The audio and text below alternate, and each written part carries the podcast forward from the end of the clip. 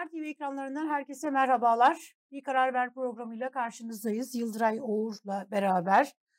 Ee, birazdan e, eski Merkez Bankası Başkanı İyi Parti Milletvekili Sayın Durmuş Yılmaz da bizlerle beraber olacak.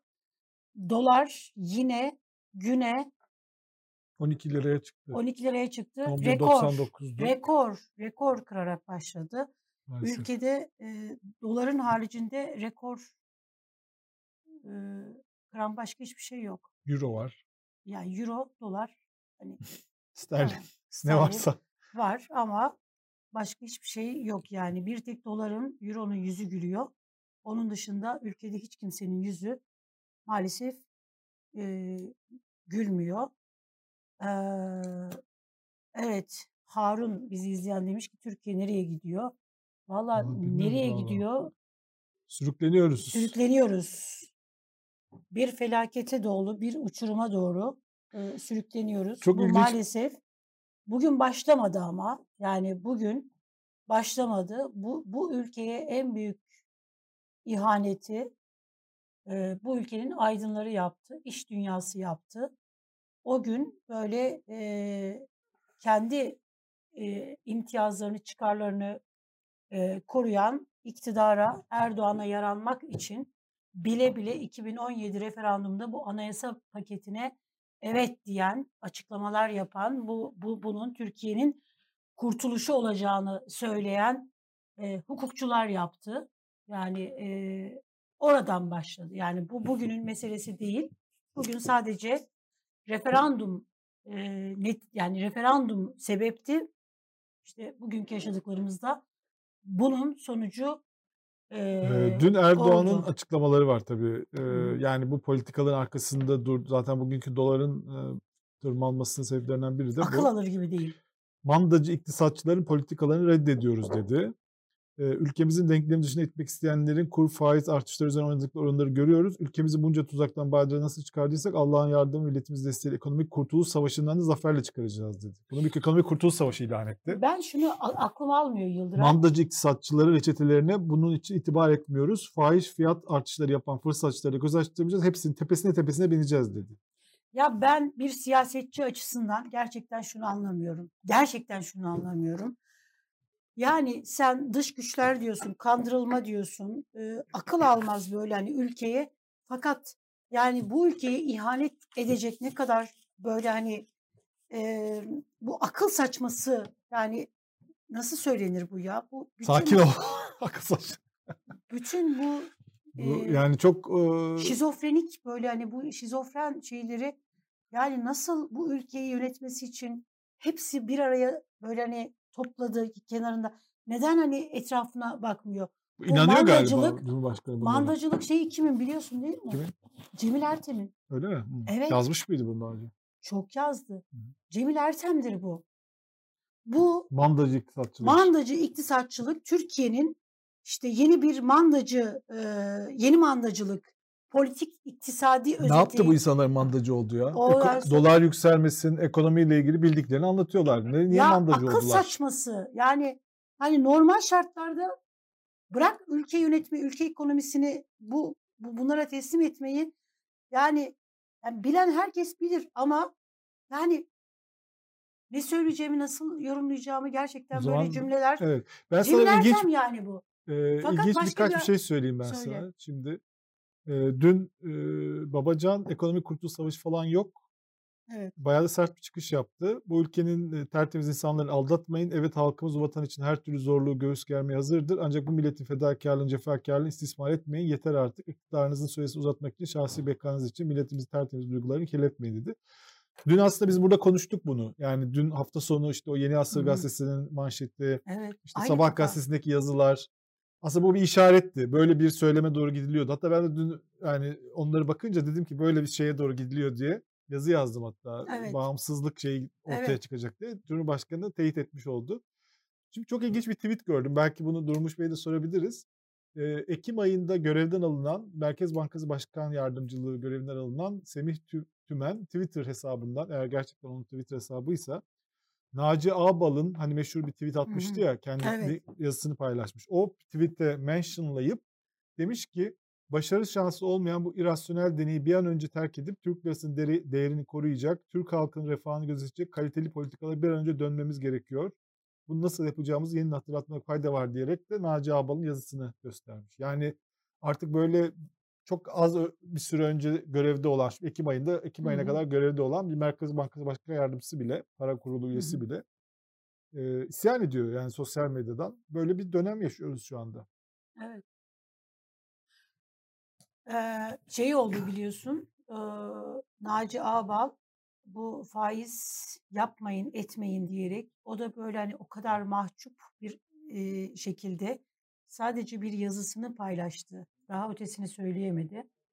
Daha ötesini konuşamadı. Bu bile onun biliyorsun Merkez Bankası başkanları 2021 eee, yani bu bu şey eee, Temmuz ayında bir düzenleme Hı hı. gelmişti ve görevinden, görev süresi dolmadan alınan Merkez Bankası başkanları 2 yıl süreyle kamudan geliyorsa 2 yıl süreyle Merkez Bankası başkanlığı maaşını almaya devam edeceklerdi. Neden? İşte kurumun kendi hukukunu, şirket bilgilerini başkalarıyla Evet, bir paylaşmasın a- diye yasal bir şey o. yasal bir düzenleme getirilmişti. Bunun cezası Hı hı. müşavirlik olarak kesildi. Yani hem Yani düşürüldü aslında. düşürüldü hem rütbe hem müşavir. Yani başka türlü cezalandırma olmadı. Ha sana ben o zaman Merkez Bankası Başkanlığı maaşını vermem dedi. Murat Uysal'la ikisi e, e, bu şekilde Müşavir oldu. cezalandırılmış. Müşavirlik müşavir olarak cezalandırılmış oldular. Bu konuda Durmuş Yılmaz'ın o işte meclis görüşmelerinde çok önemli bir konuşması var. Tutanaklara geçmiş Hı konuşmaları var. Temmuz ayındaki Temmuz ayındaki eee bütçe şey o meclis tutanaklarında yazıyor.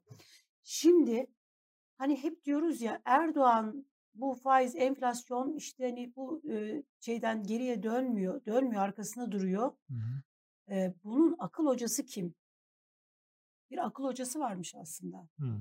Cumhuriyet Gazetesi'nin manşeti. Evet, Gördün mü? gördüm evet.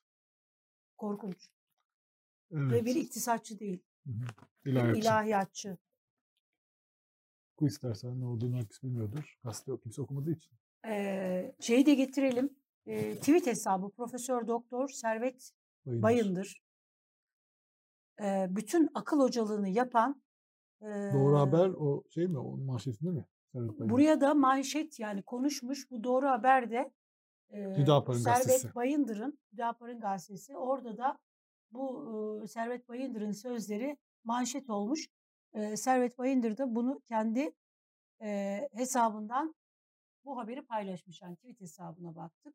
Hı. Orada Faizsiz bir sistem mümkün. evet faizsiz bir sistem mümkün. Evet mümkün olabilir ama bunun yolu böyle değil. Bırakın iktisat iktisatçılar evet.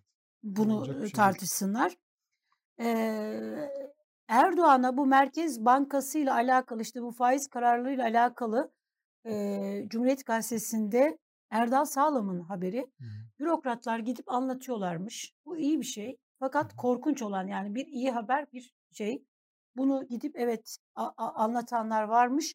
Fakat Erdoğan da bu kendisine söyleyen e, hani bu, bu, bu politikaların yanlış olduğunu söyleyen ya da uyaran kişilere bunu Servet Hoca ve Nurettin'e anlatın diyormuş. Hı. Nurettin Canikli. Hmm. Öyle mi? Evet. Şimdi Nurettin bu şey çok Nurettin kötü biliyor Canikli musun? çok En tek... enteresan bir isim Nurettin Canikli. Evet. Bugün eğer eee FETÖ davalarında bu kadar mağduriyet yaşanıyorsa, bu kadar geniş kapsamlı tutuklamalar, bu kadar hukuksuz tutuklamalar yapıldıysa, hani Erdoğan bunun adını çok güzel koymuştu. Tavan, taban ayrımı yapmıştı işte hani orada. Bu ayrımı yaptıktan sonra bu ayrımın ortadan kaldırılmasını Nasıl yaptı ya o? eee, şöyle bir toplantı yapılıyor. Eee, bir o toplantıda eee, o toplantıda hani hukuka uygun bu işte hani eee, bir hukuksuzluk olmasın, mağduriyetleri olmasın diye Nurettin Canikli ve Berat Albayrak'ın o toplantıya girip kapıcısına kadar alın. Hiç kimsenin gözünün ne kadar geniş olursa o kadar iyi olur eee, dediği bilgili iddiaları var. Ankara'da da şey yapan, konuşulan, AK Partiler arasında konuşulan bir yaygın bir iddia bu. Evet. Eee, böyle bir iddia var. Yani burada Nurettin Canikli ve eee, Berat Albayrak iddiasını. Ankara'da AK Partili siyasetçiler kendi şeylerinde hmm, konuşuyorlar. Ve o toplantıda olanların aslında bu olmayacaktı e, ama e, böyle döndü olay e, diye o toplantıda olan kişilerin yakınlarına anlattığı iddialar. Bir iddia tabii ki bilmiyorum. Duyulan yani bununla alakalı hani kulağımla duydum diyemem. İddia olduğunu tekrar altını çizmek istiyorum. Ee, çok acayip bir şey. Yani bu ekonomik krizin dinle bağlanması da çok kötü yani. Yani dinin zaten son zaman son yıllarda zaten çok evet. zarar gördü. Bir de insanlar eğer gerçekten bu iş artarsa yani bu söylenti hani dini gerekçelerle faiz düşürülüyor. O yüzden de ekonomi şu anda bu kriz halinde şey olursa bu dine yine zarar verecek şeylerden biri. Çünkü ekonomik kriz diğer meseleler gibi şey değil. Yani dün Mehmet Altan'ın söylediği gibi ıspanağın fiyatının üzerine komplo teorisi yazarsan evet. kimse sana inanmıyor. Ekmek e, 4 liraya gidiyor. Diyarbakır'dan bir arkadaşımız yazmış. Diyarbakır'da 3,5 liraymış. Yani oradaki satılan Hı-hı. insanların kullandığı pide 3,5 liraya çıkmış. Of, of, of, of. 3 lira satmaya çalışanlar varmış ama 3,5 liraya çıkmış. Çünkü 80 lira olan onun şeyi çuvalı 220 liraya çıkmış. Yani, yani onların yapabileceği bir şey yok yani. Onlara kız, kızılacak evet. bir durum yok yani onlara. Fırıncının, üreticinin. Bunu çekmek zorunda değil yani onlardan. Onların ne suçu var? Erdoğan yine enflasyon değil fiyat artışı demiş. Çok acayip böyle tanımlamalar girdi hayatımıza farkında mısın? Evet. Zam değil güncelleme. Enflasyon değil fiyat artışı. Bir de bu kur artışı istihdamı artırır dedi. Dün gece dolar 11.47'yi bir anda gördü. Bugün artık hani 12 lira diyebiliriz herhalde değil mi? Hmm. Çok tabii, acayip tabii, bir şey. 11.99'da 12 olmuş. Şimdi bu e, gerçekten e, bu Ömer Seyfettin'in yazdığı bir hikaye var ya. Bugün ben böyle yazımda biraz hmm. değindim ona. Bir Çin masalından esinlenerek Deli Yağmur. Evet. Ondan sonra bir Çin, Çin imparatorundan e, esinlenerek yazılan e, Ömer Seyfettin tam da o dönemde işte işgal altında hani o Türkiye psikolojisi çok şey yapıyor. Çok akıl almaz e, şeyler oluyor. Bunun üzerine bu hikayeyi topluca delirdik diye. Gerçekten bazen topluca delirdik mi? Bizi birileri böyle hani uykudayken falan bir şey mi içirdi bu ülkeye? Akıl alır gibi değil. Yani Şundan dolayı mesela AK, AK Partili Mücahit Birinci bu işte hani Bu o savunuyor zaten televizyonlarda. Başka bence AK Parti'de şöyle bir durum da var. Farkındaysan. Hı. Televizyonlarda ekonomik durumun iyi olduğunu Hı. savunan ya da ekonomik koşulları savunan Hı. AK Partili de kalmadı. İnsanlar şimdi konuşmuyorlardı bir de. Evet. Ama ona kaldı. O çünkü hani onu yapabilecek türden biri. O çıkıyor işte duygusal demiş mesela. Enflasyon biraz da duygusal bir şey. Şey duygu pardon. En, ee, şey diyor ya enflasyon biraz psikolojik, da psikolojik bir şey demiş. Yani böyle hissediyorsun fazla, yani fiyatlar yani. artıyor hissediyorsan fiyatlar artıyor. şey gibi karma gibi yani hani mesela hep beraber el ele verip fiyatlar düşsün dersek enflasyon düşebilir gibi yani herhalde. Evet psikolojik bir vaka demiş. Psikolojik bir vaka. Bu iş biraz da psikolojik demiş yani. Yani herhalde Mücahit Birinci böyle bir böyle hani yani bunun ne Fırsat, kadar... Böyle zamanlarda böyle fırsatçılara gün doğar ama. Kimsenin söylemeye hani ar ettiği şeyleri bazıları çıkar söyler. Onlar şampiyon olurlar o devirde. Evet. Şimdi öyle bir arkadaş da böyle bir e, rolde. Televizyonlara çıkıp bence ben mesela AK Partili önde gelen bir sürü insan var değil mi? AK Partili e, siyasetçiler var, tabii, ekonomistler var, gazetelerde yazan insanlar var. Doğru düzgün çıkıp televizyonlarda bu işleri böyle savunan, hararetle savunan kimse kalmadı. Kalmadı yok. Savunamıyor. Onların bile ar ettiği bir durum var. Bunlar hiç ar etmiyorlar. Yavuz Bahadıroğlu Nun oğlu bu merhum. Evet yani kimin o önemli değil yok, yani. Yok yok hayır. Evet. Bu sonradan yani AK Parti yöneticisi artık sonra, biliyorsun MKYK evet, üyesi. MKYK üyesi oldu ama sonradan. Sonradan evet. Sonradan yani e, şeye gelen AK Parti içerisine giren e, ve kendisini ispat herhalde. Bunun bir de bir atkı hikayesi var biliyorsun. Bu e, kaç evet. poundluk. 5 bin liralık.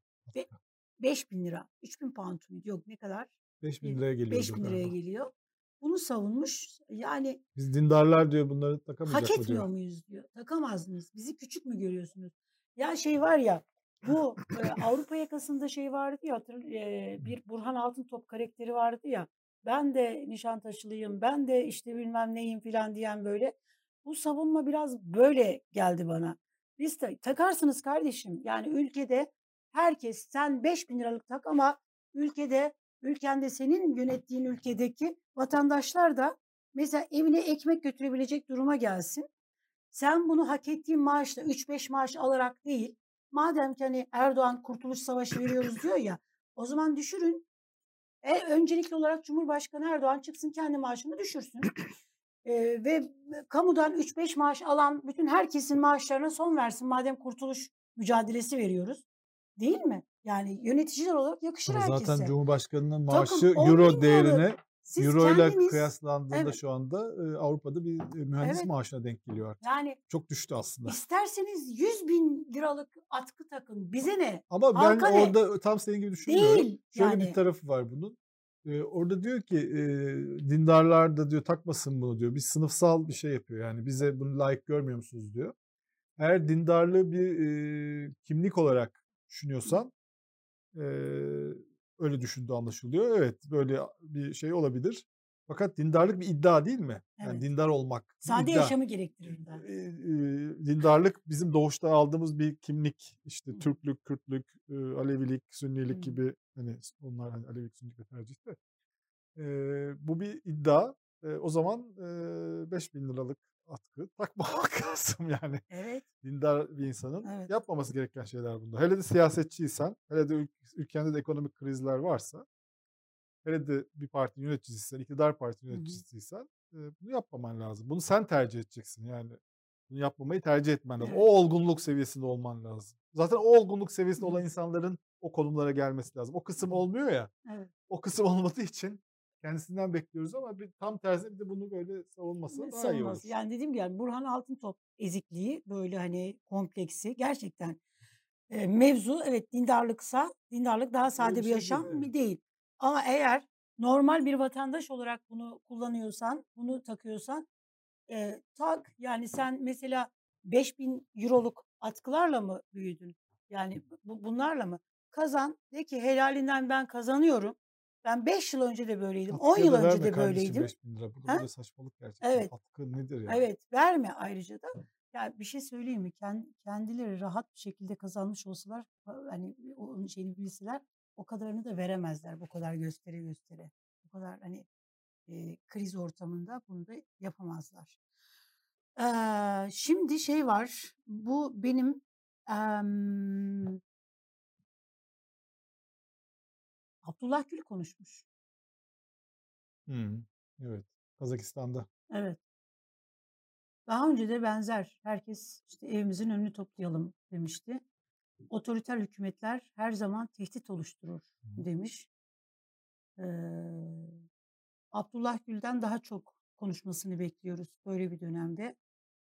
AK Parti'yi e, kuran Erdemler Hareketi'nin Bak bu abisi olarak ortaya çıkan bir büyüğümüz olarak kendisinden e, daha fazla çünkü ülke yangın yerine dönüyor gidiyor yangına doğru bir felakete doğru gidiyor daha fazla e, konuşmasını şöyle demiş olan aslında. Bu bitene sözler bu ses etmesini istiyoruz. bugünkü şeyle çok e, aslında bayağı mesaj vermiş. E, diyor ki sadakati liyakate, parti politikalarının itaati ise düşünce özgürlüğünü önceleyen otoriter hükümetler zaman içinde canlı bir sivil toplum ve hı. yaratıcılığını kaçınılmaz olarak yok edecektir. Bu kaçınılmaz olarak sınırlı inovasyona, daha yavaş ekonomik büyüme ve daha az refaha yol açacaktır. Başka hı. bir deyişle toplumu kontrol etmeye yönelik katı otoriter önlemler sürekli ekonomik büyüme ve müreffeh bir, top, müreffeh bir toplumu meydana getiremez demiş. Evet. Yani otoriter bir yönetim ekonomide de ülkeyi refaha kavuşturamaz demiş. Bunu Kazakistan'da söylüyor. Evet. Ama e, gelinim sana söylüyorum. Yok, Kızım. kızım sana söylüyorum, gelinim sen anla şeklinde bir konuşma. Gelinim sana söylüyorum. Kızım sen anla değil miydi? Kızım sen sana Yok kızım söylüyorum. sana söylüyor. Kızına Ha, söylersin rahat kızına olarak. doğru. Gelinine tam söyleyemezsin ya. Evet. O, o yüzden. Ee, Süleyman Soylu'nun bu dün e, Meclis mecliste bütçe bütçe görüşmelerinde bayağı görüşmelerinde hı- har, e, kavgalı olmuş. Her şey Sühe Sedat Peker iddiaları ortalıkta dolaşmış. sadece dünkü yaşanan hadise bile bu hükümet sisteminin ne menen bir şey olduğunu Türkiye'ye anlatır. Bir devletin bakanı, İçişleri Bakanı 16 Mayıs'ta TRT yayınında çıktı ortaya 10.000 dolar alan siyasetçi var dedi. Dün kendisi söyledi aslında. Bunu hep yanlış anlaşılıyor. Sedat Peker söylemedi böyle bir şey. Sedat Peker bu söylemedi. Süleyman Soylu'nun iddiasıydı. Eee, Süleyman Soylu eee, Sedat Peker'den 10.000 dolar alan siyasetçi var dedi. 16 Mayıs. Sonra e, bir ay sonra on- 16 e, Haziran'da biliyorsun üzerine gidildi bu soruldu. Hiç cevap falan vermedi. Dedi ki ben söyleyeceğimi söyledim hani şey var ya Evet. hani ortaya lafımı ettim. Kim üzerine ne alınıyorsa alınsın. Sonra herhalde arkada bir şeyler oldu. Yani anlaştı ya da işte hani o dönem çünkü AK Parti içerisinde bayağı da yalnız bırakılmıştı. Hı hı. E, sonra bir şeyler oldu. Dedi ki ben dedi bu bilgiyi dedi e, Cumhuriyet e, savcıya söylerim dedi, yargıya söylerim. Sonra e, Mustafa Şentop yani meclis başkanına söyleyeceği Evet. e, ilan edildi. Meclis başkanı ile bir görüşme yaptı. O görüşmede neler olduğunu sevgili Abdülkadir Selvi yazdı. Dedi ki ikili arasında oldukça sıcak bir görüşme geçti. E, Mustafa Şentop, Süleyman Soylu'yu Daha sık görüşecekler. daha sık görüşeceklerine dair bir karar aldılar. Ondan sonra e, bir şey olduğunda birbirlerini özel telefondan arayacaklarmış dedi. Hı. Sanırsın böyle hani şey e, böyle Amerika Türkiye görüşmesi ya da Rusya ile böyle hani ya da nereyle aramızı düzeltiyor olabiliriz şu anda? Emirlikleri. Ha, evet. Ondan sonra yani e, kapıya kadar uğurladığını, Bu da kapıda yarın geliyor. Karşıladığını, Arap... Dur dur Yeni Şafak'a bakacaktım ben. Yeni Şafak'a bak. olmayacak. Eee, savcılığa bildirdi, e, haberleri çıktı. Oradan da bir sonuç çıkmadı. Yani bir bakan şu anda bir suç suça ilişkin bilgi saklama böyle hani suçu işliyor ve bununla alakalı da hiç kimseye bir şey söyleme ihtiyacı hissetmiyor. Neden? Eğer ki o beğenmediğimiz vesayetçi dediğimiz parlamenter sistemde olsaydı o sistemde bile Tamam mı? O sistemde bile hani şu an güçlendirilmiş parlamenter sistem diyoruz. Yeterli değildi. O sistemde bile eee, bunun hesabını verirdi. Açıklama yapmak Hı. zorunda hissederdi. Evet, yavaş yavaş. sen Bir, konumuza bağlanacağız. Şeyi okuyacağım şu demiştin. Yeni Şafak'a bir arkadaşlar bir tane küpür attım. Onunla beraber verelim bunu. Dur şunu da sayfadan bir açayım. Çok güzel bir. Sabah gazetesini okumayacağım.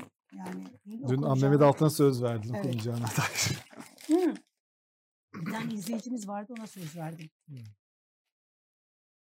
Heh. Şimdi bu Yeni Şafak. Yeni Evet. Şafak gazetesi. Ee, bu da Yeni Şafak gazetesi şöyle aşağı doğru gelirim. Yarın gelecek konuğumuz Birleşik Arap Emirlikleri Veliaht Prensi ee, Muhammed Bin Zayed El Nahyan. Yarın kalabalık bir heyetle Türkiye'ye gelecek. Körfez yeni dönem. Burada bakıyorsunuz güler yüzlü bir fotoğraf. Bunu da bu tarafta da yakından şey yapalım. Yan tarafta da o olsun. Bunu yaklaştıralım. Şurası tam şurası. Bunu koyalım. Gelelim gelelim gelelim gelelim gelelim. Gel gel gelelim. gel gel gel. Biraz daha yaklaşalım. Birazcık daha. Beni kadar kaldırabilirsiniz. Tamam şöyle yapalım. gözüksün. Bak. dur, bir dakika. Evet. şöyle yapayım bir dakika. Şöyle mi oldu? Ha. Şöyle. Hı. Ha, Aa, Evet. bir daha dolaştırsana arkadan. Nasıl şöyle mi? Şeyle. Ha. Ver mehteri. Ver Bak burada mehteri. güler yüzlü. Ha Evet. koyduk buraya Tabii tabii zaten. tabii. Ver mehteri. Bugünkü bu. Yeni Bu da Şafak. e, daha önceki. Şerefsiz Yani. bunlar Körfez'de yeni dönem. Orada asık suratlı. Burada güler yüzlü. Bir anda değişti yani. Bu başlığı inşallah adam şey yapmaz yani. Ya ben buraya bir tane müzik getireceğim. Ver mehteri diye. Evet, e, Evet. konumuza Tamam. Bağlanalım. bizi daha fazla dövmeden hemen Evet. konumuza bağlanalım. Ee, Merkez Bankası eski başkanı İyi Parti milletvekili Durmuş Yılmaz bizlerle beraber. Ee, Durmuş Bey hoş geldiniz. Hoş bulduk. İyi yayınlar diliyorum. Çok Merhaba, teşekkürler. hoş Çok sağ geldiniz. olun.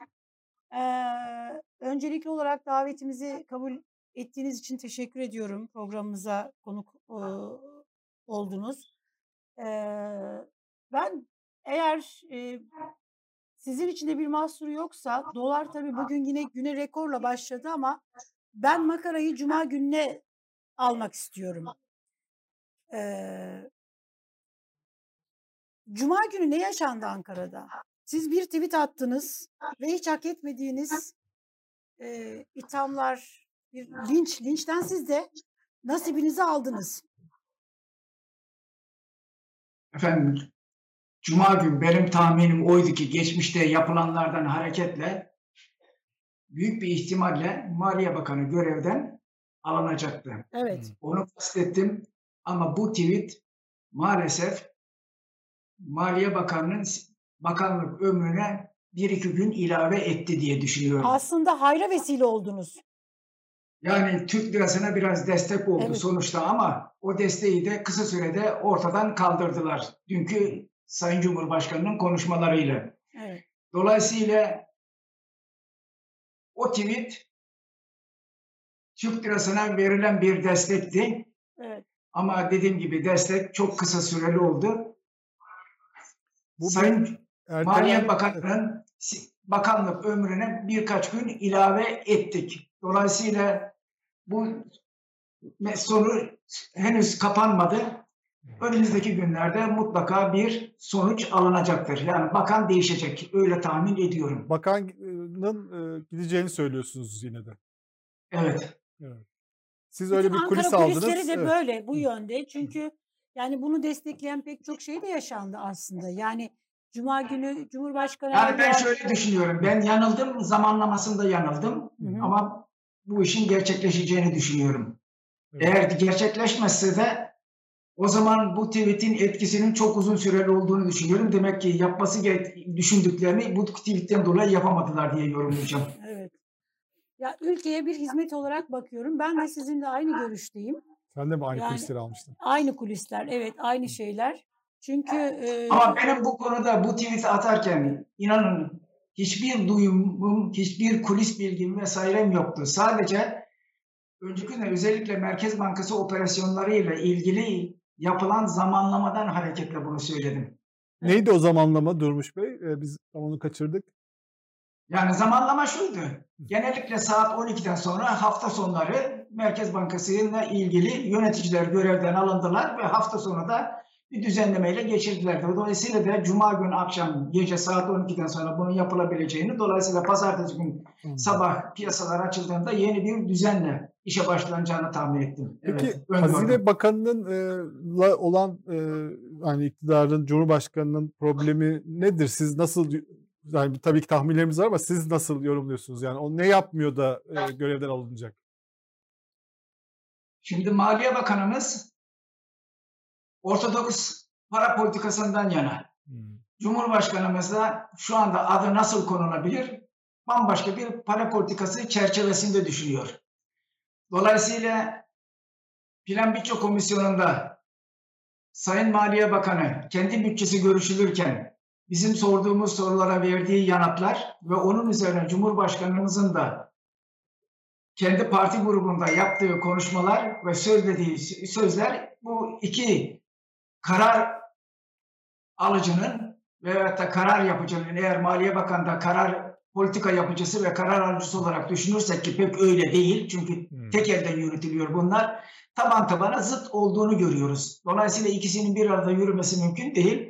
Ve Sayın Cumhurbaşkanı da biz böyle düşünenlerle yol yürüyemeyiz dedi. Evet Ve- yani faiz e, faizi savunan yol arkadaşlar bizimle beraber yol yürüyenleri yürüyemeyiz dedi aslında. Onu orada Maliye Bakanı kastediyorsunuz değil mi? Evet. Peki Durmuş Bey dün e, Cumhurbaşkanı'nı siz de izlemişsinizdir. E, baktığınızda yani söylediği başka konulara da Kurtuluş Savaşı, mandacı ekonomistler onlara da geleceğiz ama bir ekonomik e, kaf- yani bir program çizdi aslında. Yani bu neden faizler düşürülüyor, dolar e, yükseliyor, yükseliyor? Bunun kendince bir rasyonel sebebi olduğunu açıkladı. Siz buradan ne anladınız? Nasıl bir ekonomik programları var? Ben buradan şunu anladım. Şimdi Eylül ayından bu tarafa Türkiye Cumhuriyet Merkez Bankası 400 bas puan faizi indirdi. Enflasyonun geldiği nokta %20'ler ve hatta da giderek üzerinde. Dünyada enflasyon artıyor. Büyük merkez bankaları para politikasında değişikliğe gittiği bir ortamda Türkiye'de reel faizler eksiye düşmüş vaziyette. E, Giderek de ara açılıyor. Dolayısıyla buradan önümüzde de bir buçuk yıllık eğer zamanında yapılırsa bir seçim var. Dolayısıyla bu bir yıllık süre içerisinde ekonomiyi canlandırıp tekrar seçimi kazanma gibi bir amaç var. Dolayısıyla Cumhurbaşkanımızın değişik yeteneklerini değerlendirdiğimizde en öne çıkan yeteneği seçim kazanma yeteneği. Yani böyle bir şey var. Dolayısıyla da söylediği sözü seçim kazanmaya yönelik olarak ölçülü bir tartılı bir değerlendirme olduğunu düşünüyorum. O nedenle de ne yapıp yapıp ekonomiyi ısındırıp faizleri aşağıya çekip kredi müessesesini hızlı çalıştırıp insanlara konut alabilmelerini, otomobil alabilmelerini, beyaz eşya alabilmelerini sağlamak ve bunun için de gerekirse popülizm veya popülizm dışı ne kadar tedbir varsa bunu alarak seçimi kazanmaya yönelik bir şey bu, tedbir bu. Fakat geldiğimiz noktada eğer seçim zamanında yapılır ise bir buçuk yıl bu tür hemen sonuç alabilecek tedbirleri ortaya koymak uzun bir zaman. Yani bankacılık sistem, Merkez Bankası faiz indirecek, fonlama maliyeti düşecek, kamu bankaları devreye girecek, kredi genişlemesi olacak, insanlar ucuz kredi alacaklar ve bundan da mutlu olacaklar ve politik siyasi davranışlarda iktidara oy vermesini sağlayacak. Ancak bu bir buçuk süre bu tür politikalar için uzun bir zaman. Dolayısıyla bu tür genişlemeci para politikasının seçime yönelik politikaların kısa süreli olması lazım. Dolayısıyla seçim gerçekten eğer bu politikalardan hareketle 2023'e kalmaması lazım. Daha önce bir seçim yapılması lazım. Fakat şu anda gelinen noktada da ki bu kısa sürede de seçim yapmalarına da imkan vermiyor. Dolayısıyla geldiğimiz noktada ben şöyle düşünüyordum açını söylemek gerekirse. 4-5 gün öncesine kadar hatta düne kadar şöyle düşünüyordum. Geçmişte ne olduysa önümüzdeki dönemde de öyle olacak. Bir karar aldılar. Bu kararın ters teptiğini gördüler. Dolayısıyla biz yılın başında büyük bir faiz artışıyla karşı karşıya geleceğiz hmm. diye düşünüyordum ve dolayısıyla uzun zamandan beri sürdürülen bu döngüsel hareketi bir kere daha yapacaklardı. Yani faizi aşağı çekiyorlar. Biliyorsunuz Türk lirası değer kaybediyor. Bakıyorlar ki içinden çıkılamayacak. Bu kere olması gerekenden daha fazla faiz artırıp yola devam ediliyordu. Ben bugün dünkü açıklamalarından şunu şu noktaya geldim. Sayın Cumhurbaşkanımız artık gemileri yakmış gibi görünüyor. Dolayısıyla bütün bu olanın bitene rağmen, Türk lirasının bu kadar değer kaybetmesine rağmen ben faiz artırmayacaklarını, dolayısıyla bu politikanın sonucunu alıncaya kadar yollarına devam edeceklerini düşünüyorum. Sonucunu yani alıncaya biz, kadar dediniz. Buradan bir sonuç çıkar mı? Sonucunu alıncaya kadar dediniz. So, son, so, sonucu alıncaya kadar onlara göre sonuç şu. Eğer alabilirlerse ki ben alamayacaklarını düşünüyorum. Faiz düşecek. Evet. Faiz düştükten sonra Türk lirası itibarsızlaşacak, değerleşecek, değersizleşecek. Dolayısıyla bunun adına da biz rekabetçi kur diyoruz. O rekabetçi kur Türk ihraç mallarının fiyatlarını ucuzlatacak. Daha fazla ihracat yapacağız. Yaptığımız ihracatın sonucunda ithalat kısılacak. İthalat kısılınca kısılan ithalattan elde edemediğimiz, alamadığımız aramal ve ham maddeyi yerli ikamelerle yerine getireceğiz. Yerine getirdikten sonra bir taraftan cari açık kapandığı için döviz bollaşacak, döviz ihtiyacı azalacak. İleriden de içeriden de arz yönlü tedbirlerle mal ve hizmet üretimi artacağı için sonuçta cari açık kapanacak, enflasyon düşecek. Biz bunun bir başka versiyonunu kamu maliyesi üzerinden 1994'te yaşadık ve bunun sonucunu da gördük. Dolayısıyla almak istedikleri, varmak istedikleri hedef bu. Ve neden neden olmaz diyorsunuz peki siz buna? Neden bu başarılamaz diyorsunuz? Dünyada Türk kendi ülkesinin parasını ucuzlatarak, değersizleştirerek sanayileşme hissini sağlayabilmiş ülkeler arada sırada var oldu ve görüldü. Fakat bunun bir olmazsa olmaz şartı var. O da enflasyonu kontrol altına almak. Beklentileri rasyonel, uzun vadeli bir perspektife sokmak ve dolayısıyla da büyümeyi sağlayacak olan yatırımcıya güvenini artırmanız lazım. Risk alabilmesini sağlamak. Dolayısıyla bunun sonucu yüksek enflasyon olacak. Yüksek enflasyon ortamında da şey ufuk daha da kısalacak, daha da kısalacak ve insanlar risk almaktan uzak duracaklar. Dolayısıyla bunun sonucu bir felaket diye düşünüyorum ben. Peki buradan e, bir, bir erken seçim e, kararı da alınacak gibi değil dediniz ama bir taraftan da bunlar erken seçime yani böyle bir yani ben yani si, siyaseten değerlendirmelerime pek şey yapmama itibar etmem ama ekonomik olarak baktığımızda alınan bu önlemlerin kısa vadeli sonuçlarının alınması lazım. Eğer kısa vadeli sonuçlarına odaklanırsak erken bir seçim ufukta görünüyor. Fakat şu andaki makro perspektife baktığımızda da bu pek mümkün görünmüyor. Böyle bir ikilemin arasında ama dediğim gibi ne yapacaklarına önümüzdeki günlerde eğer bu politikalar biraz daha şey yaparsa, netleşirse, ne yani netleşmekten kastım da şu, artık ben bugün itibariyle o gördüğümüz son birkaç yılda önce faizi düşürüp arkasından Türk lirasının değer kaybedip arkasından korkup olması gerekenden daha fazla faiz artırmak gibi bir döngüye girmeyeceklerini düşünüyorum ve bunun sonucunu almaya çalışacaklarını düşünüyorum. Sonucun da ne olduğunu biraz önce söyledim. Durmuş Bey, şimdi bir taraftan mesela bu yaşadığımız krizin aslında ekonomik krizden daha köklü ve daha derin. Yani dolayısıyla ekonomik buhran tanımlaması da yapılıyor. Ee, bu kısmı... Yankı yaptı. Sorunuzu çok iyi anlayamadım. Yankı yapıyor da bir daha tekrar eder misiniz ee, lütfen? Şimdi bu yaşadığımız, içinden geçtiğimiz bu ekonomik krizle alakalı olarak bazı iktisatçılar bunun ekonomik krizin çok daha ötesinde bir ekonomik buhran olduğu tanımı yani buhran tanımı da yapılıyor. Dolayısıyla çok daha derin yani yaşadığımız şey. Bir yoksullaşmayı da beraberinde sadece hani işsizlik şey değil yoksullaşıyor her geçen gün ülke. Bu kısa vadeli bu tür adımlar, ekonomik adımlar yalancı bahar değil. Yani buzdolabı al alabildik, krediler açıldı bir iyileşme gö gözüktü. İktidar bundan bir sonuç alabilir mi? Bu adımlar iktidara seçim kazandırır mı? Olası bir erken seçim olduğunda. Yine ses problemi var. Sorularınızı tam anlayamadım ama şöyle söyleyeyim. Şu anda bir buhran var. Fakat bu buhran hı hı. ekonomik buhranın da ötesinde bir zihniyet buhranı var. Evet. Meselenin özü, esası aslında bu. Bu, bu zihniyet buhranı ülkeni bu noktaya getirdi. Bugün farklı düşünen insanlara bizim yani benim gibi düşünen bizim birçok insan bugün biz mandacıyız. Hı hı, bu tanım evet. yapıldı. Mandacı ekonomistler dedi e, Cumhurbaşkanı. Evet, mandacı ekonomistler. Ve bu kitap dışı diyeyim daha doğrusu, öğreti dışı.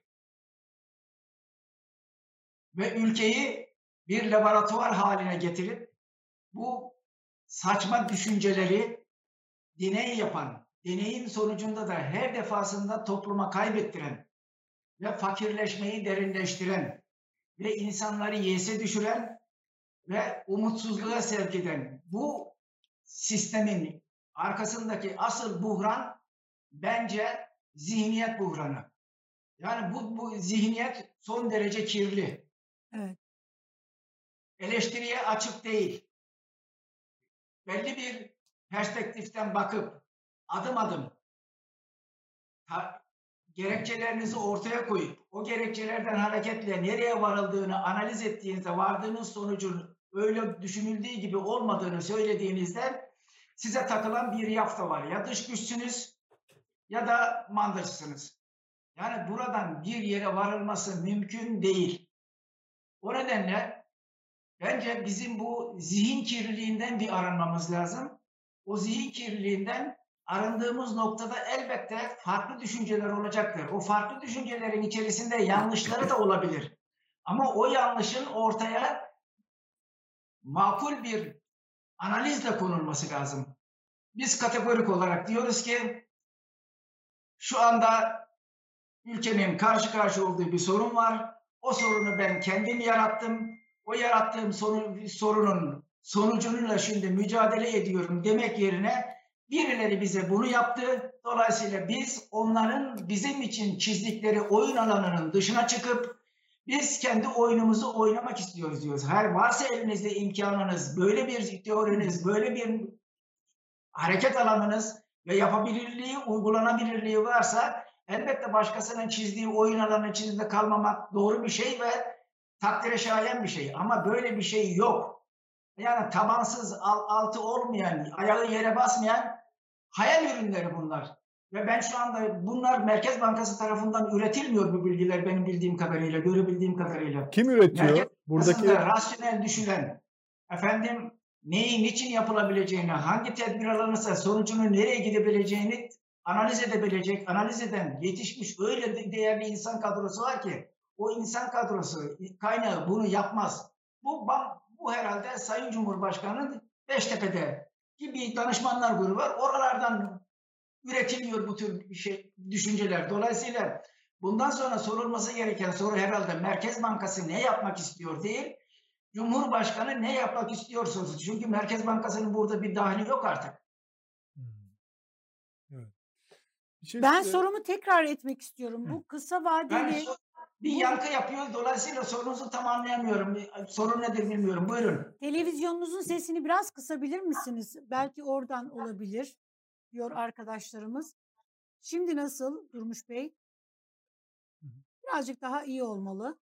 Ee, evet. Bu kısa vadeli e, sizin söylediğiniz işte bu e, faiz düşürme kararı işte biraz kısmi iyileşme olacak.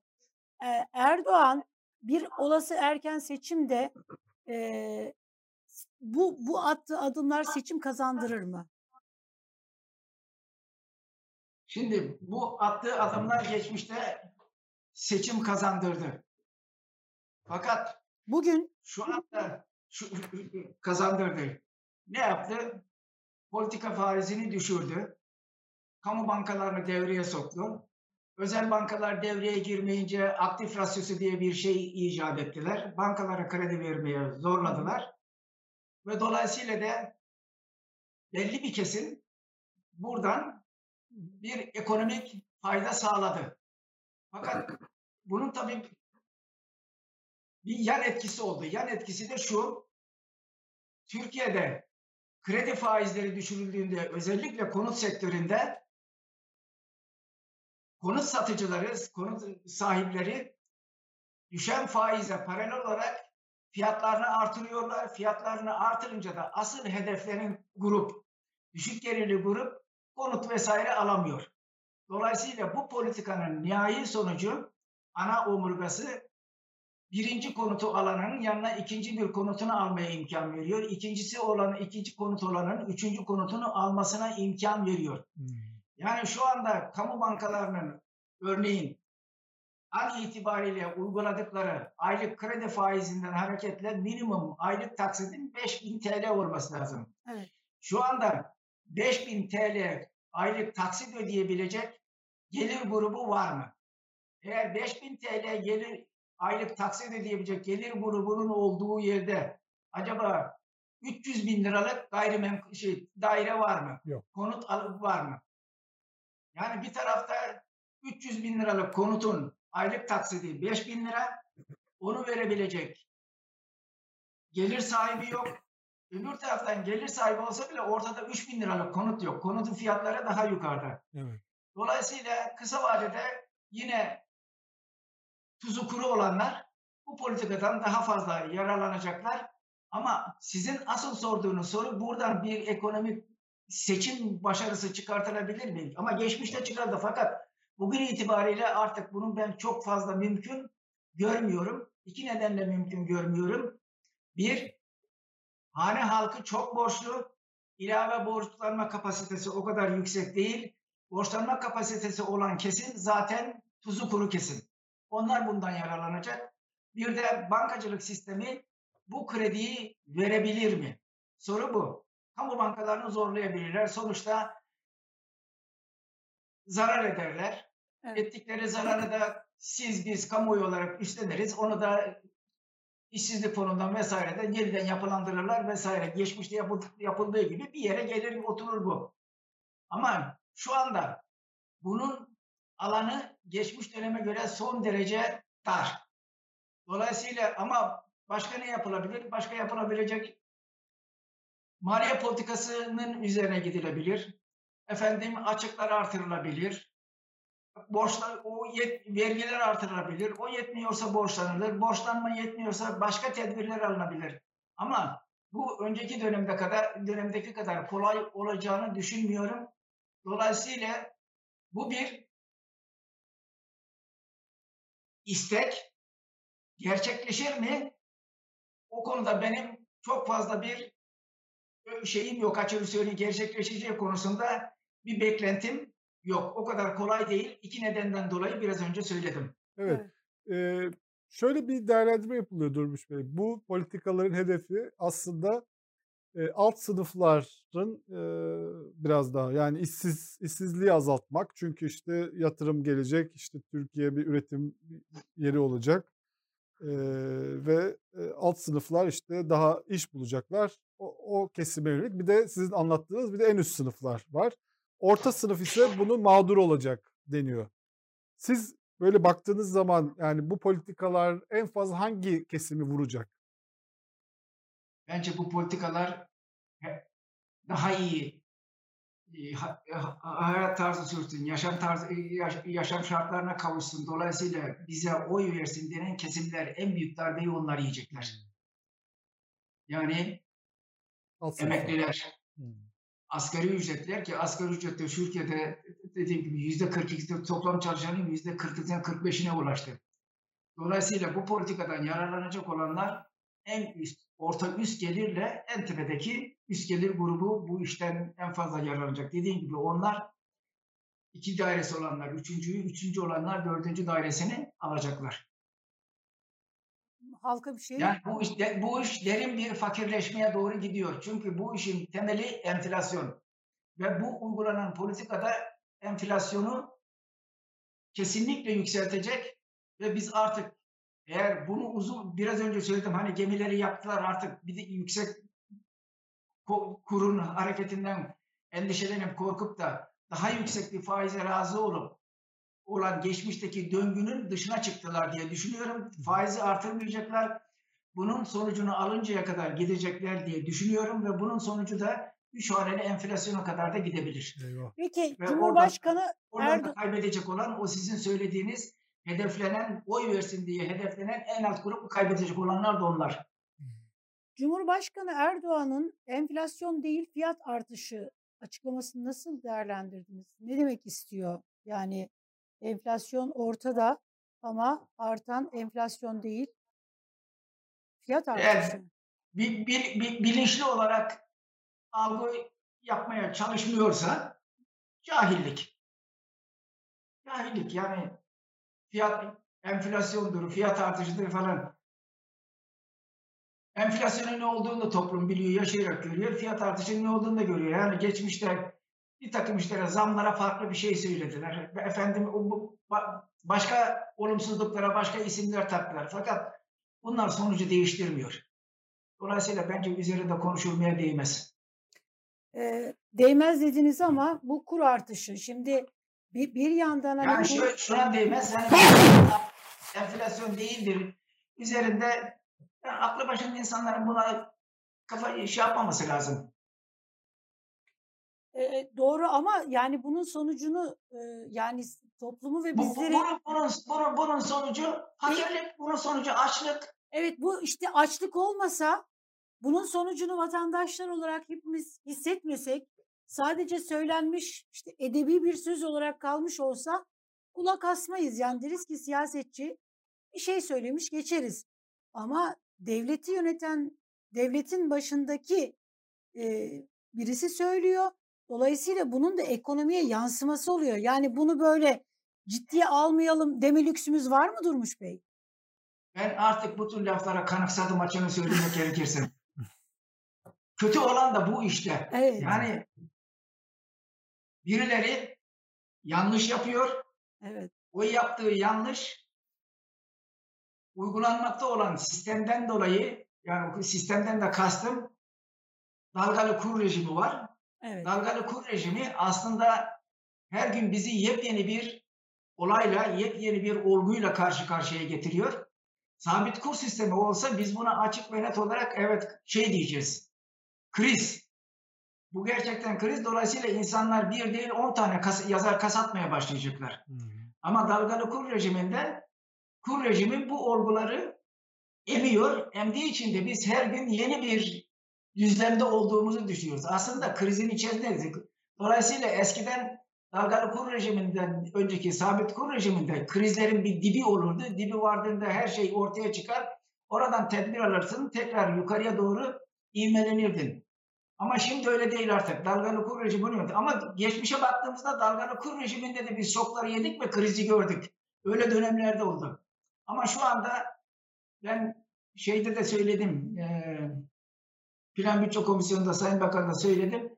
Yani şu andaki dalgalı kur rejiminin ortaya çıkardığı durum yani kurbağayı bir suyun içerisine atıp altından ısıtarak yavaş yavaş ölmesi gibi bir şey. Yani dalgalı kur rejimi bunu yapıyor aslında. Biz büyük bir kriz içinden ölüyoruz fakat farkında değiliz. Durmuş Bey siz e, Merkez Bankası Başkanlığı yaptınız uzunca e, bir süre. E, şimdi mesela e, Merkez Bankası'nın e, birinci derecede görevi yapması gereken amentüsü diyelim. E, ülkesinin para istikrarını, parasının değerini korumak, e, fiyat istikrarını sağlamak değil mi? Bunu bunu yapmak. Şimdi bunu sağlamadığı zaman yanlış adımlar, yanlış kararlar verdiğinde bu görevini kötüye kullanmaya girer mi? Çünkü hani kamu e, kamuda hani bir görevini kötüye kullanma ya da yerine getirmeme gibi bir şey de var, kural da var. Bunun bir cezai müeyyidesi var mı? Bu işte e, faiz indirim kararı görevini kötüye kullanma suçu işlemeye girer mi? Ben merak ediyorum. E, bunu bir, bize anlatır mısınız? Nedir bu? Şimdi mesela hani tamam Tayyip Bey istiyor. Orada para politikası kurulundaki üyeler de bunun altına en nihayetinde imzasını atıyorlar. Şimdi Merkez Bankası yasasının dördüncü maddesi diyor ki Merkez Bankası'nın temel görevi fiyat istikrarını sağlamaktır. Evet. Bununla çelişmeme koşuluyla da hükümetin genel ekonomik politikasını destekler diyor. Evet. Dolayısıyla Merkez Bankası bu yasal düzenleme çerçevesinde evet. önüne konulan hükümetle birlikte ortak belirlediği hedefe ki o enflasyon hedefi ki şu anda yüzde beş ona ulaşmak için araç bağımsızlığı var. O araç bağımsızlığını kimseye danışmadan kendi öngörüleri, kendi analizleri çerçevesinde kullanır. O araçları kullanırken de o kararı verirken elinde o güne kadar oluşan veriler vardır. O verilere bakar, inceler, analiz eder. Onun sonucunda bir karar noktaya varır. O karara göre de faizi artırır veya düşürür. Onun yanında başka makro ihtiyati tedbirleri vesaireyi de alır. Şu an itibariyle dolayısıyla buradan eldeki veriyi yanlış okumak, yanlış değerlendirmek, yanlış anlamlandırmadan dolayı ortaya çıkabilecek ekonomik sonuçlardan Merkez Bankası sorumlu tutulamaz. Ama nerede sorumlu tutulur? Onun sorumluluğu siyasi iktidara yansır. Siyasi iktidarda bunun bedelini sandıkta demokratik bir şekilde öder. Ama an itibariyle Merkez Bankası yasada kendisine verilen görevi artık yapmıyor. Yani fiyat istikrarını önceleyip ona göre politika oluşturmuyor. Dolayısıyla şu andaki uygulama fiyat istikrarına ulaşmak için enflasyon hedeflemesi değil. Yani adını koymadılar ama belki de cari açık hedeflemesi vesaire gibi isimler de takılabilir. Dolayısıyla sizin sorunuzun cevabı eğer bu Merkez Bankası'nda kanunda verilen görevin dışına çıkıp bambaşka bir yola girmeden dolayı ülke örneğin üç haneli enflasyona giderse, şirketler batarsa, efendim tüketiciler daha zor duruma düşerse ki böyle şey, olasılıklar tamamen sıfır değil. Hmm. Çünkü bilançosunda döviz açık pozisyonu olan şirketler 1 dolarlık borçlarını ödeyebilmek için örneğin 8 lira, 9 lira kazanmak için 1 dolar alması gereken şimdi 11 lira, 12 lira Türk lirası bulacaklar ki 1 doları satın alacaklar, borçlarını ödeyecekler. Dolayısıyla bu bilanço krizine de şey yapabilir, dönüşebilir. Bunun sonucunda böyle bir sorumluluk ortaya çıkabilir. Ama bu dediğim gibi bizim gibi ekonomistlerin değil, hukukçuların vermesi gereken bir karar. Peki e, bu denemenin e, yani burada bir deneme yapılıyor.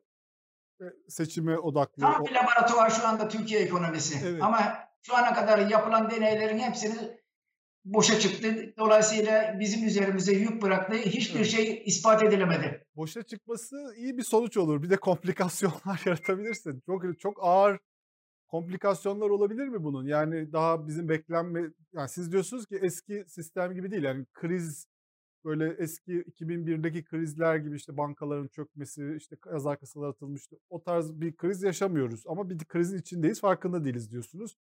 Bunun böyle e, yani bu denemenin çok yani doların yükselmesi, enflasyon yükselmesi tabii ki çok ağır sonuçlar ama daha ağır sonuçları da olabilir mi bu denemenin? Olabilir. Bunun adına da varlık içinde yokluk denir. Şu anda olduğu gibi kıtlıklar başlayabilir. Şu anda bakkal süpermarkete gittiğinizde şeker alırken bir paket veriyorlar. 5 kilo veriyorlar.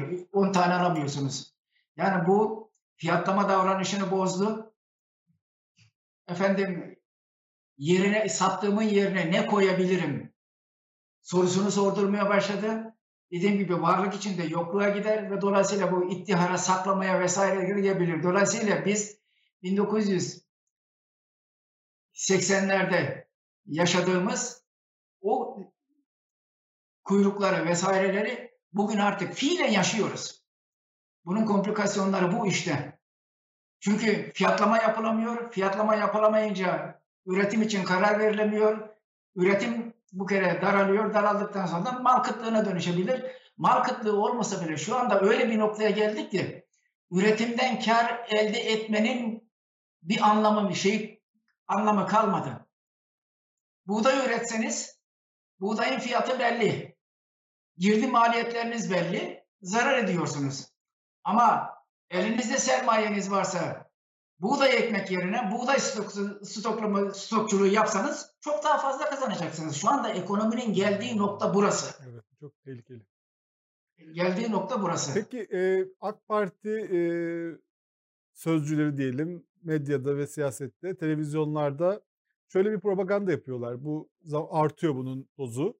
Yani nasıl Cumhurbaşkanı mandacı iktisatçılar Kurtuluş Savaşı dedi. Onlar diyorlar ki e, bu doların bu kadar yükselmesinin ekonomideki bu sorunların sebebi Türkiye'nin dış politikadaki işte bağımsız dış politika adımları işte Libya'daki politikası, Doğu Akdeniz politikası. Eğer e, buralar evet işte içeride yaptıkları işte ahim kararlarına direniyoruz işte Osman Kavala'yı bırakmıyoruz. Eğer diyor diyorlar ki buralarda geri adım atarsak o zaman dolar da düşer. Bunu mu istiyorsunuz? Yani bağımsızlık mı, ekonomide refah mı gibi bir şey koyuyorlar ortaya. ikilem koyuyorlar. Siz baktığınız zaman bu şu anki ekonomik e, durum manzarada ne kadar dış etki var diye baktığınızda ne söyleyebilirsiniz? Şimdi biz bir oyun grubunun içerisindeydik. O oyun grubunda ekonomimiz kapalıydı.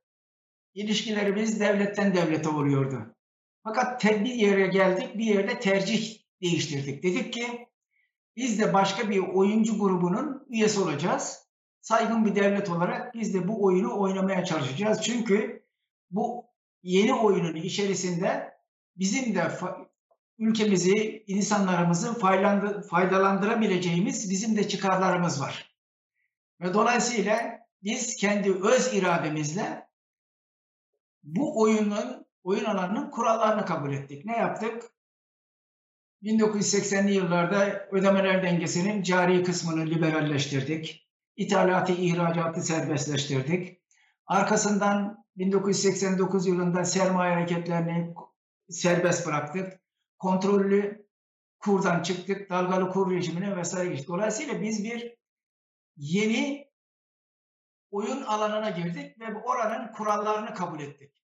Şimdi bu kuralları kabul ettiğinizde eski sistemde tamamen sizin kontrolünüz altında olan bazı faktörleri kontrolünü kaybettiniz. Tamamen kaybettiniz. Bazı faktörlerin kontrolünü de o oyun alanında bulunan insanlarla, oyuncularla ortaklaşa oynamaya başladınız ve sizin kontrol tamamen sizin kontrolünüz altında kalan oyunun kuralları da çok az bir kural kaldı. Dolayısıyla bu bir tercih. Bu tercihi yaptığınız zaman o zaman o kurallara uymak zorundasınız.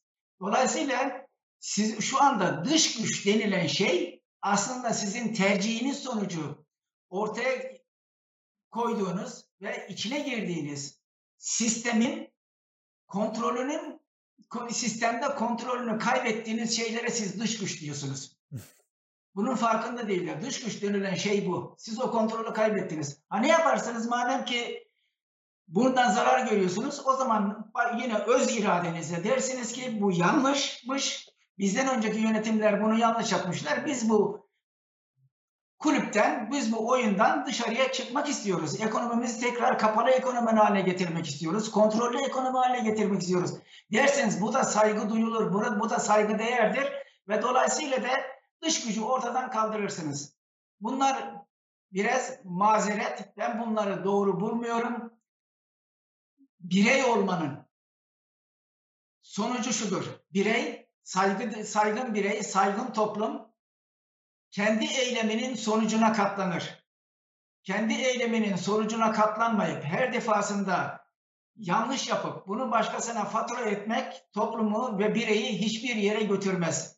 Dolayısıyla bizim hesabımızı, kitabımızı, muhasebemizi doğru yapıp eğer oyun oynamaya devam edecek miyiz, etmeyecek miyiz sorusunu sorup aldığımız cevaba göre de kendimize yeniden bir çeki düzen vermemiz lazım. Dolayısıyla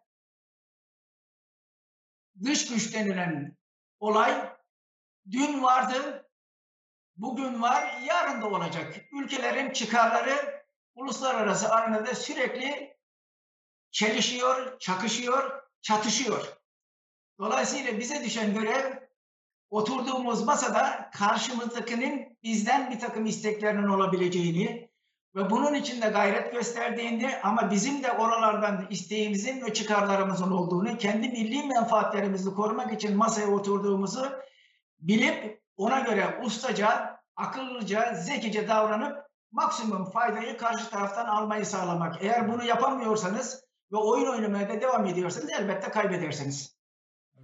E, Durmuş Bey dolar e, 12 nokta e, 470 pardon 47.088 mi? Nasıl o, o 12 buçuğa doğru. 11.88 mi? Evet, evet, evet. 12 buçuğa doğru gidiyor. 12 buçuğa doğru gidiyor. Böyle Nerede sanki bırakılmış gibi ucu. Sanki nereye Efendim, giderse nasıl gitsin oldu? gibi. Bir dakika 11.88 mi? 12.47. 12.47 Dolar mı euro mu? Dolar. Dolar dolar. Euro Dolar. 14. Euro da 14 oldu. 14'ü aştı. Şu Sizle konuşurken arttı. Yani siz Evet, olamazsınız. Sorunuzu alayım o zaman. Ee, bu e, bu böyle bir şey gibi hissiyat var herkeste. Yani ucu bırakılmış gibi nereye giderse gitsin gibi. Sizde de öyle bir hissiyat var mı? Tabii sizdeki hissiyat önemli. Bu- Bizimki önemli değil de. Yıldıray Bey bu bir hissiyat değil. Bu bir ekonomi politikanın parçası bu. Evet. Müdahale edilmeyecek bu- yani. bu- ben son yani Eylül ayındaki para politika kurulundan sonra sürekli şunu söyledim. Bu bir tercih dedim. Dolayısıyla şu anda bu bir tercih. Bu uygulanan politikanın doğal sonucu bu. Dolayısıyla ne demiştiniz? Siz algı mı demiştiniz? De, Ee, şey e, bırakılmış ucu sanki yani. Yani bırak, bırakılmış değil. Bu bir politikanın sonucu bu. Bırakılma diye bir şey söz konusu değil. Peki nereye gidebilir e, Durmuş Bey böyle? Herkes korkuyor yani gerçekten korkutacak bir seviyeye geldi artık. Dolar nereye gider Durmuş Bey? Ya Eğer bana sorarsanız şu andaki uygulanmakta olan politikalardan vazgeçip yani o hani söylediğim döngüsel şey var ya hareket Evet, var ya Evet. ona geri dönmek. Ama dün Cumhurbaşkanı'nın konuş söylemleriyle konuşmalarıyla artık gemiler yakıldı geriye dönüş yok gibi görünüyor. Evet.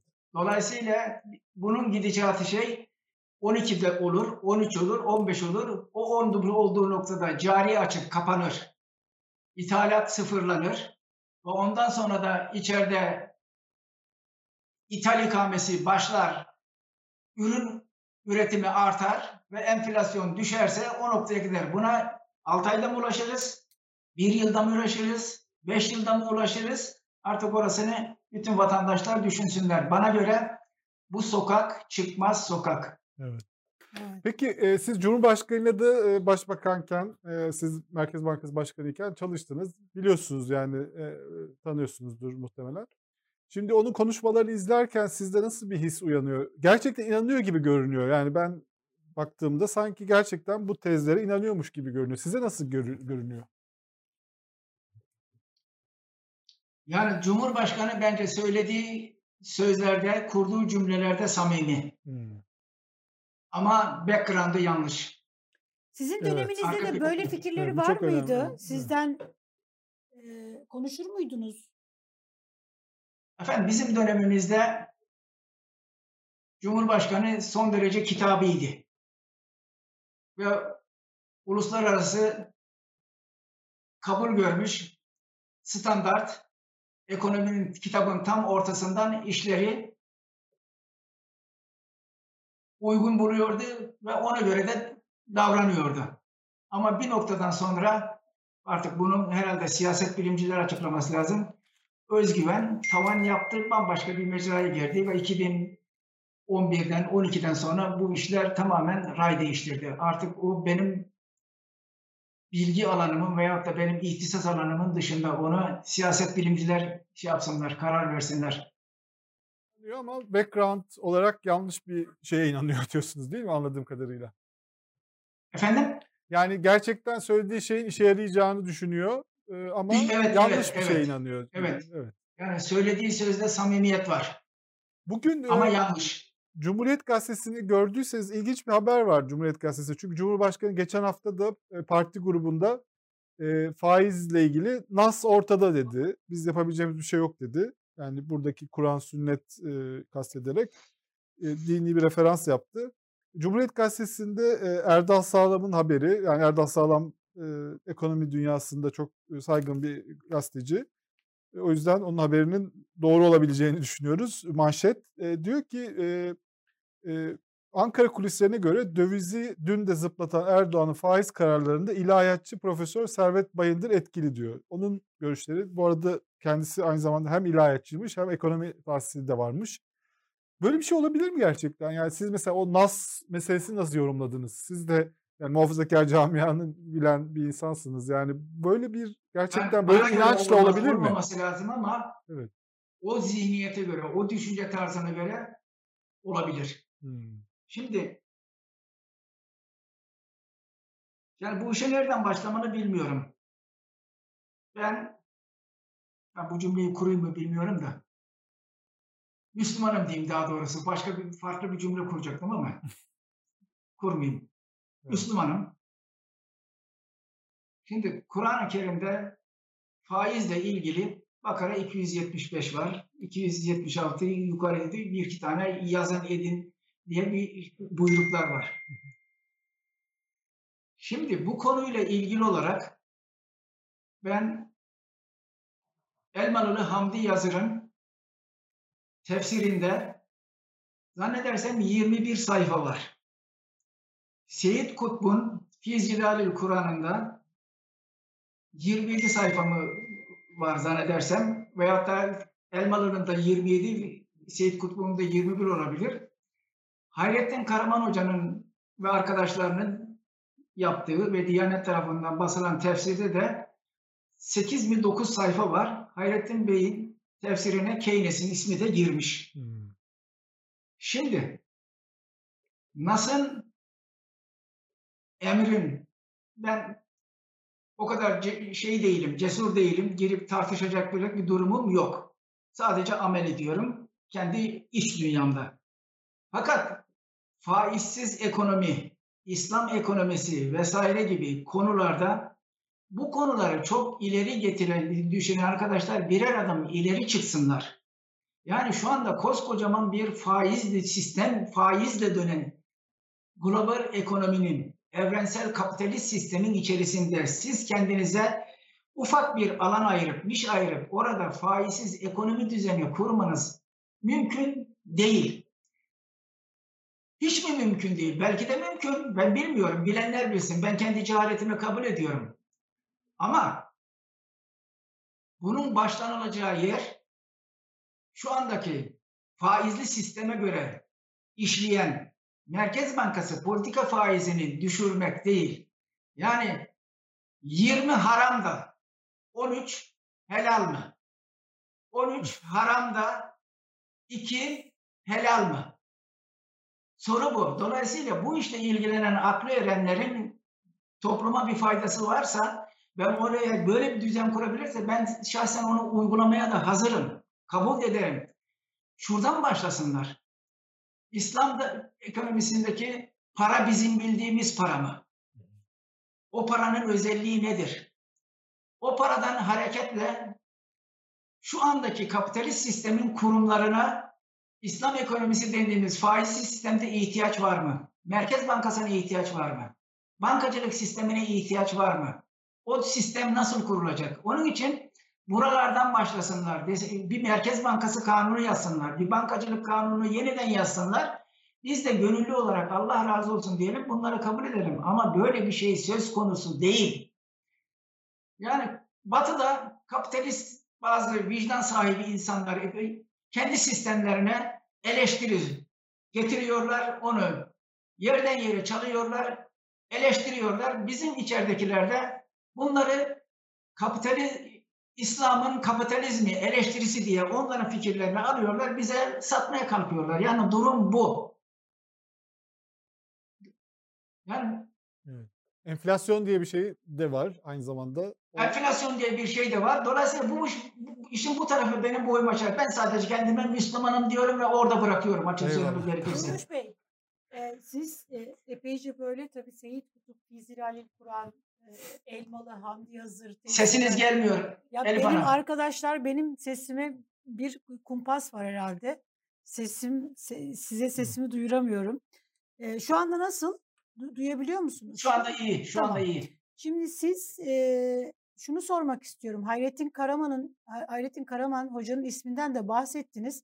Siz bir iktisatçısınız, ekonomistsiniz. Aynı zamanda da devleti yönetmeye talip bir siyasetçisiniz şu anda. Ee, Hayrettin Karaman işsizlik 21 Kasım tarihli yazısında yoksulluk ve işsizlik yani ekonomik kriz e, konusuna girmiş kendi köşesinde bu mevzuya giriyor.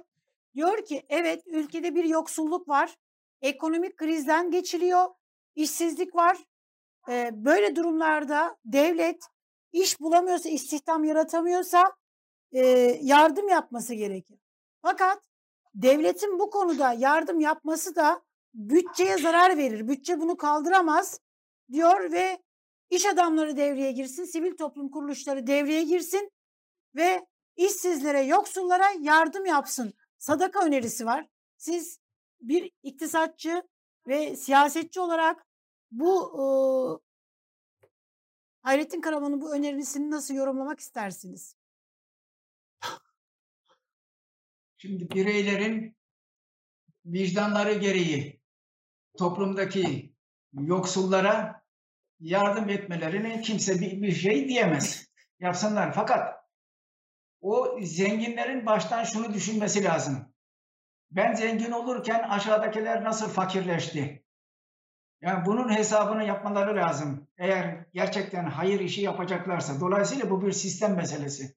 Evet. Ayrıca ben Hayrettin Bey'in dediği gibi devletin yoksula yardım edebilecek kapasitesi yoktur, bütçe bozulacaktır görüşüne de katılmıyorum.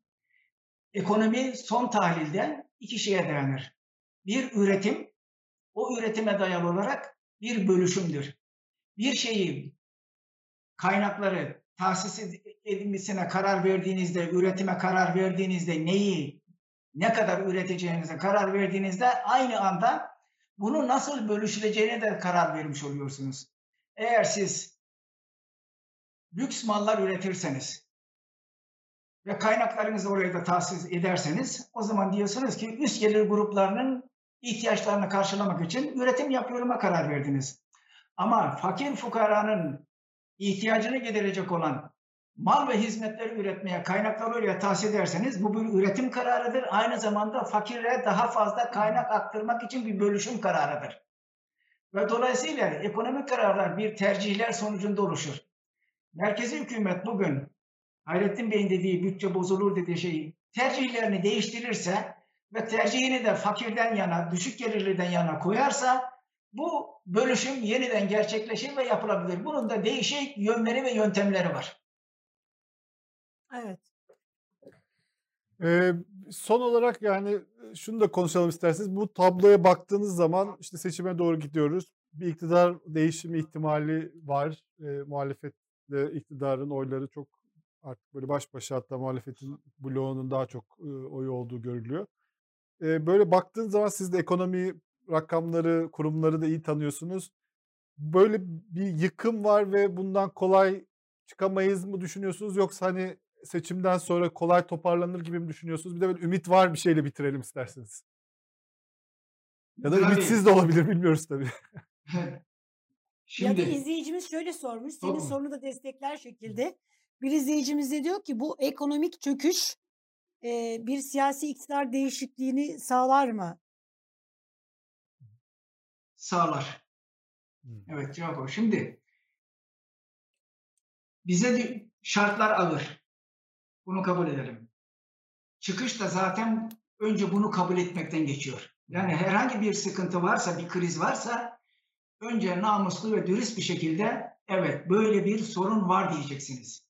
Ondan sonra o sorunun nerede hata yapıldıklarını analiz edeceksiniz ve ortaya sağlam bir veri seti çıkaracaksınız. O veri seti üzerinden de oturacaksınız. Siyasi demokrasilerde de siyasi heyetler, partiler olduğu için onların da birer tercihleri var. O tercihler doğrultusunda da bir reçete yazacaksınız.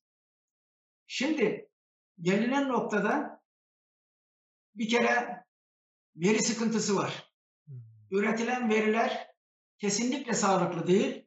Bu eldeki verilere göre reçete yazılması mümkün değil.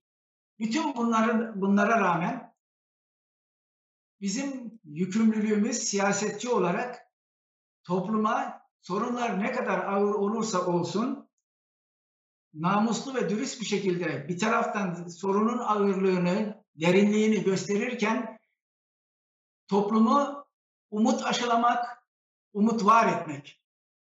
Eğer böyle yapmazsak biz bu işin içerisinden çıkamayız. Dolayısıyla sıkıntılarımız var. Bu sıkıntılarımız derin ama bunun içinden çıkılabilecek usul ve yöntemler de var.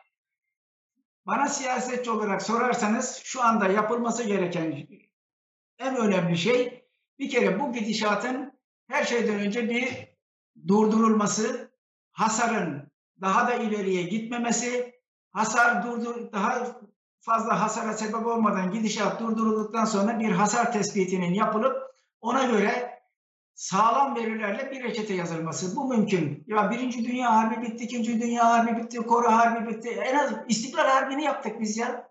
Ama şimdi Yani o kadar sıkıntının içerisinde bir toplum çıkardık. ekonomik kurtuluş savaşındayız ama şu anda. prensip olarak bu yapılabilir. Topluma bizim vermemiz gereken şey uygulayıcı olarak bize düşen görev bardağın boş tarafına bakmak, orada sorunları derinlemesine görmek ama topluma daima bardağın dolu tarafını göstermek ki umut daima yeşersin ve diri ve canlı kalsın. Ben son olarak bir şey sormak istiyorum. Yani Türkiye Ben de içerisinde... şey, bütçe görüşmelerini sormak Sen- istiyorum. tamam bir de sen onu şey yap toparlayalım Durmuş Bey'i daha fazla yormayalım. Ee, şimdi Türkiye içerisinde tabii bu alınan kararlarla bir ekonomik e, e, durum yaşanıyor. Bir Türkiye dünyadaki diğer ülkelerden negatif ayrışıyor. Böyle Türkiye özgü bir durum var. Bir de ama dünyadaki şartlar da e, kötüleşmeye başladı. Enflasyon dünyada yükseliyor. Amerika'da başka ülkelerde de bir enflasyon sorunu ortaya çıkıyor. E, bu şartlar nasıl bizim Türkiye'nin içinde verilen bu irasyonel bize görünen kararlarla birleştiğinde nasıl bir e, kombinasyon ortaya çıkacak? Bu nasıl bizi etkileyecek? Şimdi dünyada trend değişiyor. Evet. Emtia fiyatları arttı. Efendim Japonya, Avrupa Birliği, Amerika Birleşik Devletleri uzun zaman düşük enflasyondan şikayetçiydi. Japonya onlarca yıl, 15-20 yıldır enflasyonu nasıl yükseltebilirim için çalışıyor. Uzun müddet Avrupa Birliği, Amerika Birleşik Devletleri de resesyona girmek için fiyatları, enflasyonu nasıl biraz daha yükseltebilirim için çalıştı. Ve geldiğimiz noktada da enflasyon tekrar yükselmeye başladı. Emtia fiyatları vesaire de yükseliyor. Şimdi buradan da hareketle Cumhurbaşkanımız belki de 2008-2009'dan bu tarafa hep şunu söyledi. Ya nasıl oluyor bu? Elin ülkesinde faiz düşük, bizde enflasyon niye bu kadar yüksek? Özür dilerim, faiz niye yüksek? Evet. Biz onlar eksi faizle bankaya yatırılan paraya bankalar muhafaza ücret alıyorlar ama siz Türkiye'de büyük yüksek faizden tarafsınız. Ama bu resmin tek tarafı. Türkiye'deki enflasyonu hiç hesaba kitaba katmadı ve konuşmalarının hiçbir yerinde yandı, yer almadı. Amerika Birleşik Devletleri'nde faizler düşük, Japonya'da faiz düşük, hatta eksi çünkü oranın enflasyonu düşüktür demedi. Hmm. Türkiye'de enflasyon yüksek ama faiz de yüksek. Sadece enflasyon tarafına bakmadı, sadece faiz tarafına baktı. Dolayısıyla her iki ekonomi, bu ekonomilere yazılacak olan reçete farklıydı. Dolayısıyla şu anda geldiğimiz noktada evet dünyada tekrar bir enflasyonist eğilim başladı ve bu giderek de artacak gibi görünüyor. Ama enflasyonla mücadelede dünya merkez bankaları ve kamusal otoriteler resesyonla mücadeleden daha deneyimliler. Bunun üstesinden kesinlikle gelinecek. Bizim için sıkıntılı olan husus şu. Burada içeride aldığımız yanlış kararların gerekçesi oluyor dışarıdaki enflasyon. Hmm. Ya, be, benim açımdan yanlış olan bu. Evet dünyada bir sıkıntı var. Doğal gaz fiyatı, petrol fiyatları, gıda fiyatları vesaire vesaire artıyor. Bu bir gerçek. Bunun bize de elbette yansıması da var. Ama bu bizim içeride aldığı, yaptığımız, yan, aldığımız yanlış kararların gerekçesi olamaz. Bugün Merkez Bankası'nın en son politika para politikası kurulunun kararına bakarsanız bu bir bakıma aldıkları bu yanlış kararın gerekçesi olmuş. Hmm. İtirazımız buna bizim. Dolayısıyla dünyada trend değişti. Enflasyonist bir ortama doğru gidiyoruz. Fakat ben şundan eminim. Yani bugün kamusal otoriteler özellikle merkez bankaları enflasyonla mücadelede resesyonla mücadeleden çok daha deneyimliler. Dolayısıyla bu kontrol altına alınacaktır ama bunun elbette bir maliyeti olacaktır. Evet. Türkiye'de de bir bahane olarak kullanılıyor. Halbuki Türkiye ondan önce evet. ekonomik krizde zaten. Hayır söylenebilir. Yani evet. şu, şu anda Türkiye'de bir pandemi bir de son birkaç aydır artan bu enerji fiyatları dışarıdaki yükselen enflasyon. Ya da diyor ki Amerika Birleşik Devletleri'nde enflasyon sıfırdı. Şimdi 7 oldu. 7 kat arttı. Yani işin matematik tarafı bir tarafa da bu böyle söylenmemeli. Bu, bu, bu realite ama bu realiteyi içeriye tercüme ederken farklı bir şey söylemen lazım. Yani sıfırın 7 katı yine sıfırdır. Her neyse ya soruya girmeyelim de. Peki bütçe görüşmelerinde neler yaşanıyor Durmuş Bey? Son olarak e, zaman zaman tabii medyaya böyle hani e, haberler yansıyor. E, Ama neler oluyor bütçe? Bütçe görüşmeleri benim açımdan son derece verimsiz geçiyor. İktidarın bir ezberi var. Onlar da bize diyorlar ki sizin de bir ezberiniz var. Dolayısıyla her iki tarafta ezberinden vazgeçmiyor. Dolayısıyla daha iyiyi, daha güzeli, daha ucuzu bulmanın yollarını aramıyoruz diyorlar. Ben kendi payıma daha iyinin, daha güzelin nasıl olabileceği konusunda katkı sunuyorum. Çok da katkı sunan arkadaşlar var.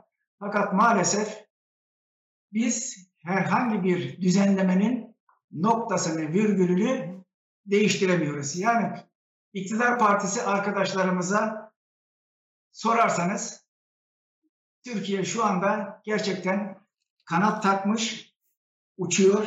Gerçekten böyle söylüyorlar mı? Kesinlikle söylüyorlar. Hani dışarıya ve, söylüyorlar da mecliste değil mi? Ve, ve, şunu, ve şunu söyleyeyim. Yani bugün modern yaşantının sıradan olan bazı nimetlerini biz bu arkadaşlarımız sayesinde gördük dediler. Bir arkadaşımız dedi ki bu ülkede kalorifer yoktu dedi. Yapmayın. Evet. Bu ülkede kalorifer yoktu dedi. Zaytun Efendim Zaytun'dur bu ya. Yani. oto, o- otomobile biniyorsunuz dedi. Bir evde dedi üç tane otomobil var dedi. Buzdolabı var dedi. Bunları Sayın Cumhurbaşkanı da söyledi. Ben de yapacağım konuşmadan vazgeçerek şöyle bir konuşma yaptım. Dedim ki tekerlek daha icat edilmemişti. Ateş yeni bulunmuştu. Biz mağaralarda ve ağaç kovuklarında yaşıyorduk. 20 yıl önce bir yönetim geldi. Bize incir yapraklarıyla ve çınar ağaç yapraklarıyla örttüğümüz yerlerimizin üstüne pantolon giydirdi. Kolalı gömlek giydirdi ve boynumuza kravat taktı ve bizi 20. yüzyıla ışınladı dedim. Yani olay bu. Sizden de telefonunuzu istiyorlar mı yoksa şey, görüşmelerde? Ver telefonu. Ay çok acayip gerçekten. Bu konuşmayı kaçırmışız biz. Bayağı haberlikmiş bu.